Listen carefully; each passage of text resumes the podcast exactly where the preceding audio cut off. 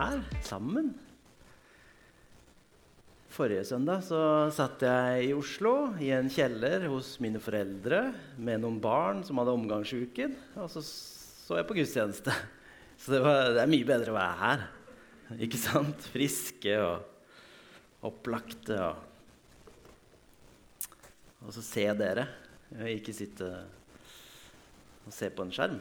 Så det er godt, godt å være sammen. Um, Einar, jeg har en powerpoint som ligger på, på, der, så hvis du har lyst til å sette den opp um, Ja, temaet i dag er enten hva kjennetegner de kristne, eller hva skal kjennetegne de kristne? Um, ja, vi kan jo snakke om begge deler. Men det jeg vil, det er å eh, bruke denne her teksten, 'Den barmhjertige samaritan', fra Lukas 10. Og så vil jeg se litt på hva, hva det har betydd eh, for verden. Eller på en måte at eh, dette som Jesus løfter fram eh, Hva har det betydd da, for, eh, for verden? Eh, og hva kan det bety videre? Ja, litt sånn. Men så har jeg også lyst til at, eh, at vi liksom, Når vi er sammen, så er det godt, at, eh, godt å også bruke tid og, i bønn og lovsang og sånne ting. Så jeg skal ikke snakke i det uendelige. Eh, for jeg tenker denne bibelteksten den sier masse. Og vi, jo, vi kjenner den godt og, og sånne ting. Men, men kanskje kan den si noe til deg i dag også? Gi deg noe nytt? Det ber vi om at det kan skje.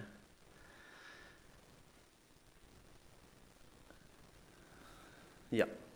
Eh, jo, jeg hadde lyst til å dele litt sånn, fordi vi møtes jo ikke så mye. Og det er ikke så mye aktivitet i menigheten akkurat nå. Eller jo, det er jo aktivitet. Eh, jeg ser stadig vekk eh, smågrupper som møtes. Og det er, eh, vi har møter på kontor, eller vi har forskjellige sånne møter og ting som skjer. Men, eh, og dette, dette, er onsdagsgjengen, så nå viser jeg noen bilder eh, på veggen. Eh, og, og, der er det nå 19 barn som er med hver onsdag. Etter skolen så kommer de hit, og så leker vi. Og så ser vi på YouTube noen filmer fra NLM Ung som handler om eh, kristen tro. Og, og, nå lærte vi om verdensrommet på onsdag. Eh, og så snakker vi litt sammen, og så ber vi. Og så leker vi, og så spiser vi deilig mat i Kafé Beden, hvor det er noen sånne frivillige medarbeidere som er med og serverer deilig mat. Og så har vi aktiviteter og masse sånn. Og vi spilte innebandy på onsdag, og vi hadde rolig klipp og lim-aktivitet. Og uh, masse gøy. Og vi sto på hendene, og vi sto i spagaten. Og så det var masse gøy. Så det er ting som skjer, selv om det er litt sånn annerledes om dagen, så er det litt som skjer. Og så skal vi gå inn i teksten. Vi er i Lukas 10. Eh, og jeg hadde lyst til å minne dere på at det fins masse ressurser der ute for å liksom lære mer om Bibelen og sånne ting. Og en av de det heter The Bible Project. Eh, og Det finnes på en nettside og det finnes på YouTube. Men nå holder de på å oversette Det er amerikansk, eh, en amerikansk organisasjon som lager filmer for å forklare Bibelen. Og dette oversetter de og lager til norsk nå. Så nå skal jeg vise litt fra, fra Lukas. Eh, her er en sånn oppsummering av kapittel 9 til 19. Vi skal bare se 1 12 minutt, for det, det, er mest aktuelt for oss. Men på denne YouTube-kanalen så kan du finne masse sånn bra eller sånn, lære om teksten, da, bibelteksten. Eh, samtidig som det er en sånn visuell gjennomgang. Så du kan både se og høre liksom, og lære. Så det skal vi bare se nå. Eh, denne her eh, introduksjonen til Lukas kapittel 9-19. Lukasevangeliet begynte med at Jesus ble født. Så viste Lukas oss at Jesus var Israels Messias, som fortalte de gode nyhetene om Guds rike til de fattige og hjelpeløse, og at han var Guds sanne profet til Israel. I den neste delen legger Jesus og disiplene ut på en lang reise til Jerusalem.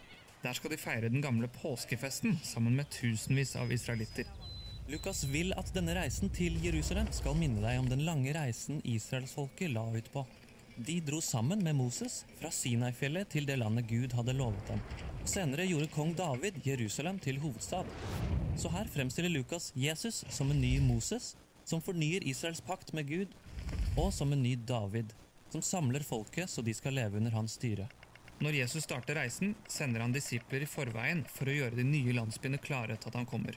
Så kommer Jesus og forteller de gode nyhetene om Guds rike, og kaller folk til å følge han og bli med på det nye som Gud gjør i Israel. I denne delen finner vi mye av undervisninga og lignelsene til Jesus. Spesielt om at det å følge han tvinger deg til å tenke helt nytt om hvordan du bruker pengene dine, hvordan du løser konflikter og hvordan du behandler de fattige. I hver by han kom til, starta Jesus fellesskap hvor folk lærte å leve på en helt ny måte. Grådighet blei forvandla til sjenerøsitet og sinne til tilgivelse. I disse Jesusfellesskapene var alle som levde i utkanten av samfunnet, velkomne. Ja, gode nyheter for de fattige. Det er et av hovedtemaene til Lukas. Ja, du finner det overalt i den delen her. De utstøtte Jesus helbreder, sexarbeiderne folk ser ned på, men som han tar kontakt med, skatteinnkreverne han inkluderer. Det her er gjengen til Jesus. Sånn ser Guds rike folk ut. Og de religiøse lederne i Ja, da stoppa jeg den, for nå gikk de videre, liksom. Men altså et tips. Eh, og det går kanskje an De snakker litt fort, da, men eh, kan skru ned kanskje på YouTube. Skru ned sånn hastigheten. Du, Da går vi inn i teksten. Lukas 10, 25-37. Og den står på veggen nå. Da sto det en lovkyndig fram og ville sette Jesus på prøve. Mester, sa han, hva skal jeg gjøre for å arve evig liv? Hva står skrevet i loven? sa Jesus. Hvordan leser du? Han svarte, du skal elske Herren din Gud av hele ditt hjerte og av hele din sjel og av all din kraft og av all din forstand, og din neste som deg selv. Da sa Jesus, du svarte rett, gjør det, så skal du leve. Men han ville rettferdiggjøre seg selv og spurte Jesus, hvem er så min neste? Jesus tok dette opp og sa, en mann var på vei fra Jerusalem ned til Jeriko. Da falt han i hendene på røvere. De rev klærne av han, skamslo han og lot han ligge der halvdød. Nå traff det seg slik at en prest kom samme vei. Han så han, men gikk utenom og forbi. Det samme gjorde en levitt. Han kom, så mannen og gikk rett forbi. Men en samaritan som var på reise, kom også dit hvor han lå. Og da han fikk se han, fikk han inderlig medfølelse med han. Han gikk bort til han, helte olje og vin på sårene hans og forbandt dem. Så løftet han mannen opp på eselet sitt og tok han med til et herberge og pleiet ham. Neste morgen tok han fram to denarer, ga de til verten og sa, 'Sørg godt for ham, og må du legge ut mer, så skal jeg betale når jeg kommer tilbake.' Hvem av disse tre synes du nå viste seg som en neste for han som ble overfalt av røverne? spurte Jesus. Han svarte, 'Den som viste barmhjertighet mot ham.' Da sa Jesus, 'Gå du og gjør som han.'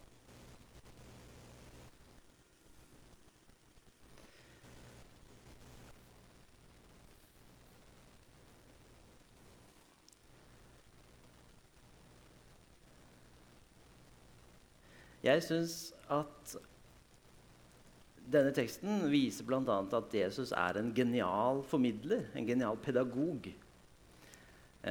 Jesus ble jo testa flere ganger av eh, mennesker med stor kunnskap. Men det vi merker, det vi ser, er jo at Jesus han gir ikke svaret med en gang. Han spør tilbake. Ja, men hva, hva er det du leser? Hvor leser du, liksom, hva leser du i Skriften? Hva står det der? Eh, så Jesus svarer på vanskelige spørsmål med å stille spørsmål tilbake. Og det er jo en velkjent eh, strategi. Det gjør jeg hele tida. Spesielt med barna mine. ikke sant? Så er det bare å stille tilbake. Ja, men hva tenker du, eller hva har du lest, eller hva For egentlig så kan de mange av disse tinga. Ikke sant? Men på en eller annen måte så trenger de bekreftelse eller et eller annet. ikke sant? Det er jo det denne mannen leter etter, kanskje. Bekreftelse på at han gjør noe riktig. og sånne ting. Altså det jeg tenker, det eh, også ved dette her at han spør eh, og Jesus, Jesus spør tilbake. Eh, fordi det er jo ofte sånn at vi også leter etter svar. Vi, vi, vi leter etter eh, svar på spørsmål. Eh, store spørsmål eller små spørsmål. Og da tenkte jeg litt på hvor leter vi etter svar? Spesielt når det gjelder dette med tro kristen tro. Hvis du lurer på spørsmål om kristen tro, hvor er det du leter etter svar? Jesus spør hvor, hva leser du i Skriften? Hva leser du i Bibelen? Hva står det der? Han sier jo til og med hva, hva står skrevet i loven? Hvordan leser du? Så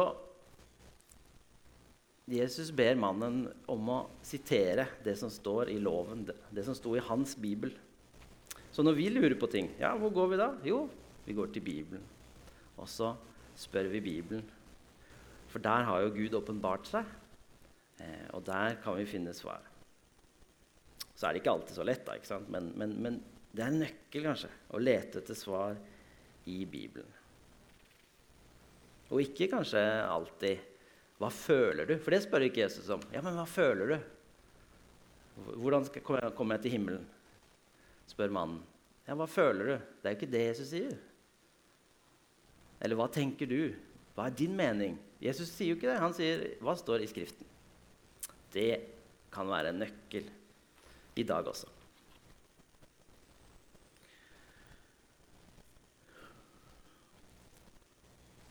Det var bare sånn eh, kommentar til teksten så eh, tenker jeg at denne fortellingen den kjenner vi ut og inn. Den har vi hørt på søndagsskolen, på bedehuset. Alltid. Og, og den fortellingen den, den, den, er en, jeg tenker den er en av de bærende fortellingene i verdenshistorien. At denne her fortellingen den er så universal, og den er så sant, konkret, og, og, den er så viktig. Eh, for den sier noe om hva det er som skjer når Jesus kommer den sier noe om hva kristen tro er for noe, hva, hva det skal være. Ikke sant? Um, og, og, det er veldig spennende. For jeg tenker at det, denne fortellingen ja, Nå bruker jeg denne fortellingen. Det er jo hele pakka da, med troen og Jesus og den kristne. Men denne fortellingen representerer det. på en måte. Og denne fortellingen Jeg har tenkt litt på hva den har betydd for kulturer rundt i verden, for folkeslag. Hva gjorde denne fortellingen med romerne, med jødene, med grekerne, med perserne, med alle disse her barbarerne og disse forskjellige folkeslaga? Og hva har den gjort med urfolk rundt i verden? Hva har den gjort med komanifolket, med malinkeerne? Hva, hva har den potensialet til å gjøre? Det er utrolig store ting. Fordi folkeslag og mennesker som møter Jesus, og som møter denne teksten, og som tar den på alvor, de, de har fått livet snudd opp og ned. Det har endra samfunn. Det har endra hvordan mennesker har tenkt. Fra å være sånn den sterkestes rett, eller den som har mest makt. ikke sant? Det er den som, som eh, vi skal eh, Det er det som gir deg definisjonsrett. da. Det er det som er det riktige til å være Ja, men du skal bry deg om alle. Du skal ta vare på de rundt deg. For spørsmålet som jeg prøver å stille, hva skal kjennetegne oss kristne? Det kommer jo her i teksten. Jo, svaret er det som skal kjennetegne kristne, det er omsorg og barmhjertighet. Å ta vare på vår neste. Og hvem er vår neste? Jo, det er alle. Det er naboen, det er fienden, det er han som er fremmed. Det er eh, hun du kjenner. De neste er rundt deg. Hun sitter her. Han sitter her. Og vi kristne vi er kalt til å ha omsorg for vår neste. Fordi Gud har omsorg for oss alle. Han har omsorg for menneskene. Og nå har jeg hoppa litt i denne her eh, Men Gud har spesielt omsorg for de svake. Og gjennom hele historien så ser vi at Gud har dette hjertet for de svake. For de som er eh, lider, for de syke, for de fattige, for de barnløse, for de eh, enker og for farløse. Gud har inderlig medfølelse med alle disse. Med alle mennesker. Og så bruker jeg ordet 'svake', men ikke sant det, Og da kan det bli sånn Ja, men sant, vi er sterke, de er svake. Men det er jo ikke det jeg ønsker. Det er ikke sånn det er. Men jeg prøver å si noe om at sant, det er noen mennesker som, som, lider av forskjellige grunner. Eh, og som, som, Gud ekstra ønsker å se til. Og det er ikke noe sånn eh, For det er jo sånn Jeg, har, jeg sier ikke så mye om det i denne talen, men ofte kan vi jo tenke at eh, når vi snakker om hvordan, skal, hvordan, er de kristne, eller hvordan skal de være, så blir det jo ofte sånn at ja, men de er sånn og sånn. De, de tror de er bedre. De, de, er dømmende og alt det der. Det sier jeg ikke så mye i denne talen nå. Men det, det kan være en sånn noen tolker det da, når vi snakker om omsorg for de svake. Så kan noen tolke at ja, men da, og dere er jo så sterke. Er det derfor dere skal hjelpe? Nei! Vi er ikke sterke. Vi innser vår svakhet. Vi er like elendige alle sammen. på en måte.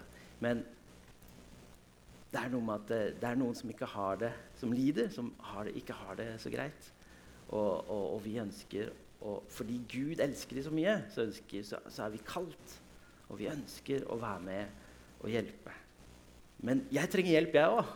Du trenger hjelp, du òg. Vi trenger alle hjelp. Så her er vi på lik linje. OK.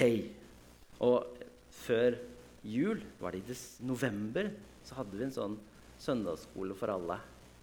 Eh, hvor jeg underviste om dømming. Og da sa jeg litt mer om det. Så de, de som var der, de fikk med seg det, vet du. Men eh, det var nok om det. Ok. Gud han har omsorg for de svake. Vi ser det gjennom hele historien. I skapelsen så skaper han oss i sitt bilde. Den treenige Gud skaper mennesket, mann og kvinne, i sitt bilde. Derfor har alle mennesker lik verdi. Og det var en eh, dominikan... Nei, dominikan, en munk da, som under den spanske det er vanskelig ord igjen. Ja, ok, Spania dro til Sør-Amerika for å erobre land, og de oppførte seg ikke så bra mot urfolk. Denne munken han begynte å stille spørsmål. Ja, men jeg leser i Bibelen at Gud har skapt alle mennesker like. Hvorfor behandler vi disse urfolkene som om de ikke er verdt noe? Og Han begynte å kalle det menneskeverd, og brukte sånne ord for første gang. Og nå er jo det helt vanlig ikke sant? i FNs lover og regler og menneskerettighetene, så, så, snakkes det om menneskets verdi. Og alle tenker det er sånn humanistisk og fint. Og, men det kommer jo fra et sted. Det kommer fra den kristne troen at Gud har skapt alle mennesker like. Alle har samme verdi. Og i Gamle Testamentet så sier Gud igjen og igjen i, i 5. Mosebok 10 så sier Gud For Herren deres Gud, han er Gud over alle guder og Herre over alle herrer. Den store og mektige og fryktinngytende Gud, som ikke gjør forskjell på folk og ikke tar imot bestikkelser. Han hjelper farløse og enker til deres rett, og han elsker innflytterne, så han gir dem mat og klær. Derfor skal også dere elske innflytterne, for dere var selv innflyttere i Egypt. Gjennom GT så blir israelsfolket minna på de skal ta vare på enkene, på de fattige, på de farløse, på de innflytterne. Gud har hjerte for de svake. Gud har omsorg for de, og han kaller da hans folk til det samme.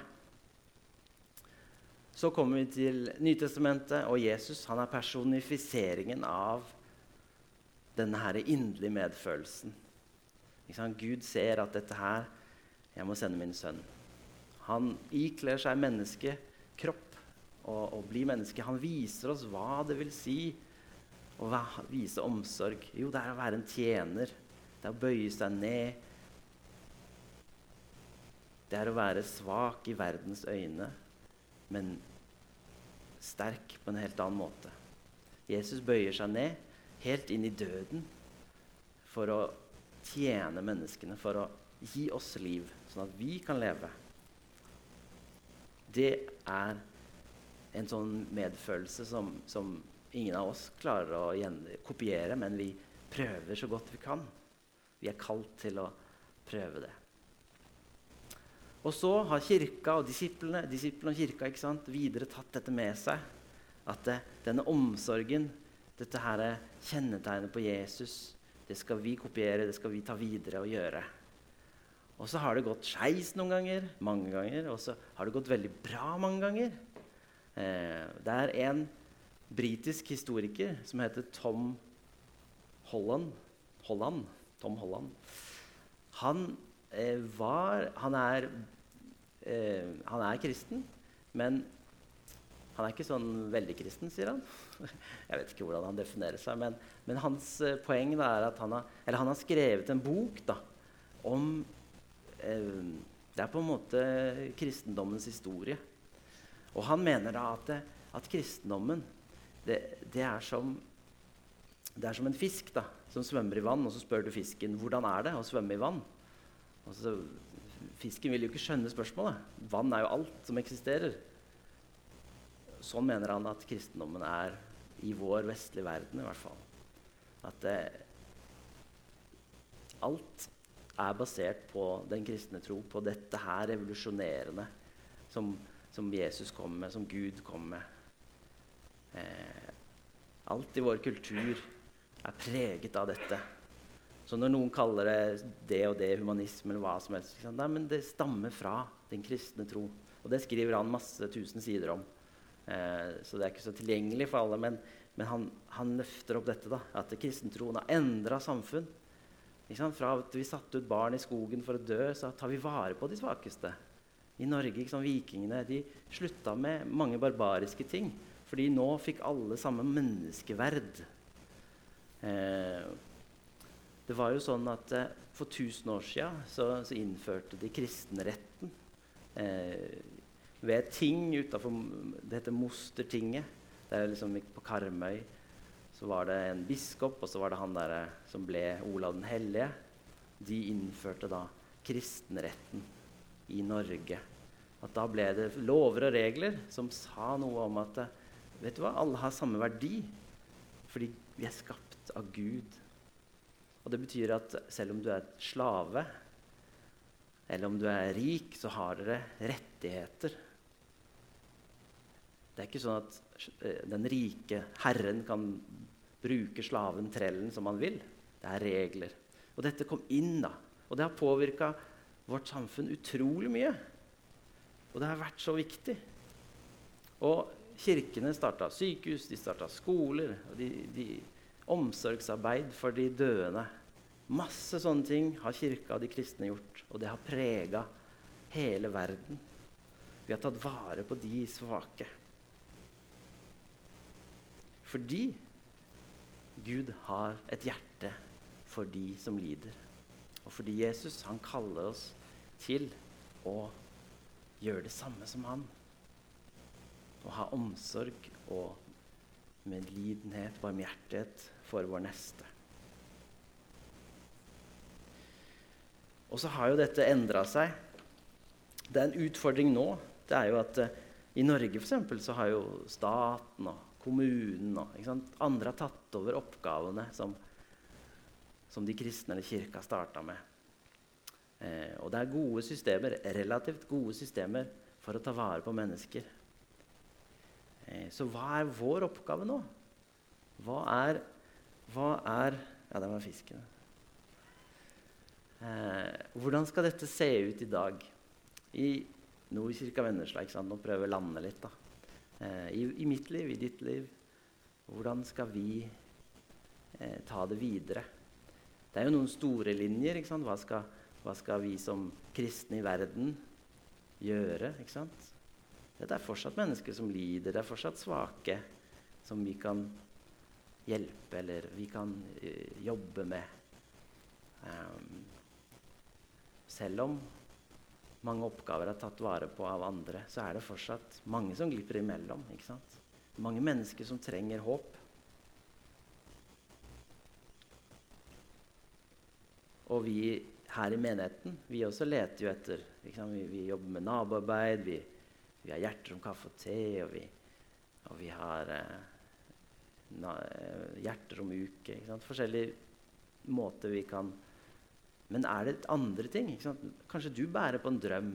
Er det noen, kan, noen grupper av mennesker vi kan møte? Så kom og prat med oss, eh, vi som er i staben, eller hvis det er noe Gud minner deg på. At det er noen mennesker vi i bygda her som vi kan møte, som vi kan være noe for og vise omsorg for. Um, og så, Hvordan ser det ut sånn hos meg da, i mitt liv? Ja, Hvem har jeg rundt meg? Hvem er min neste? Hvem er naboene mine? Hva kan jeg bidra med? Og så, og så er det hele tida å prøve å lytte da, til Gud. Eh, og ikke lytte til sånne stemmer som sier ja, men ikke prøv ikke, du er, ikke, sant? ikke bry deg. Ikke, du, ikke tro at du er noe. ikke sant? Nei, men Gud sier du er noe. Og Gud han kaller oss til å, til å elske vår neste. Eh, uansett.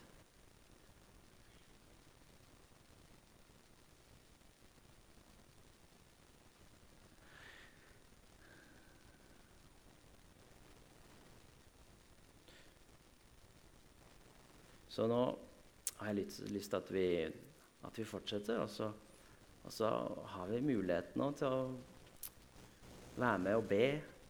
Be fordi du blir minnet på. Til å være med og lytte til Den hellige ånd og til Gud. Og, og, og være med videre og, og, synge sanger sammen.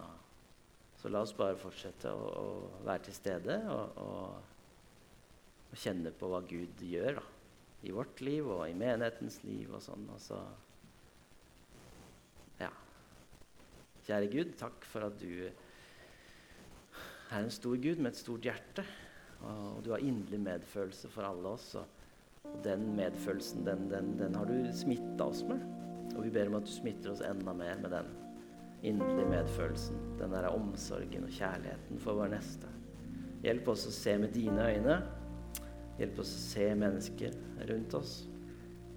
Hvordan vi kan eh, være noe for dem.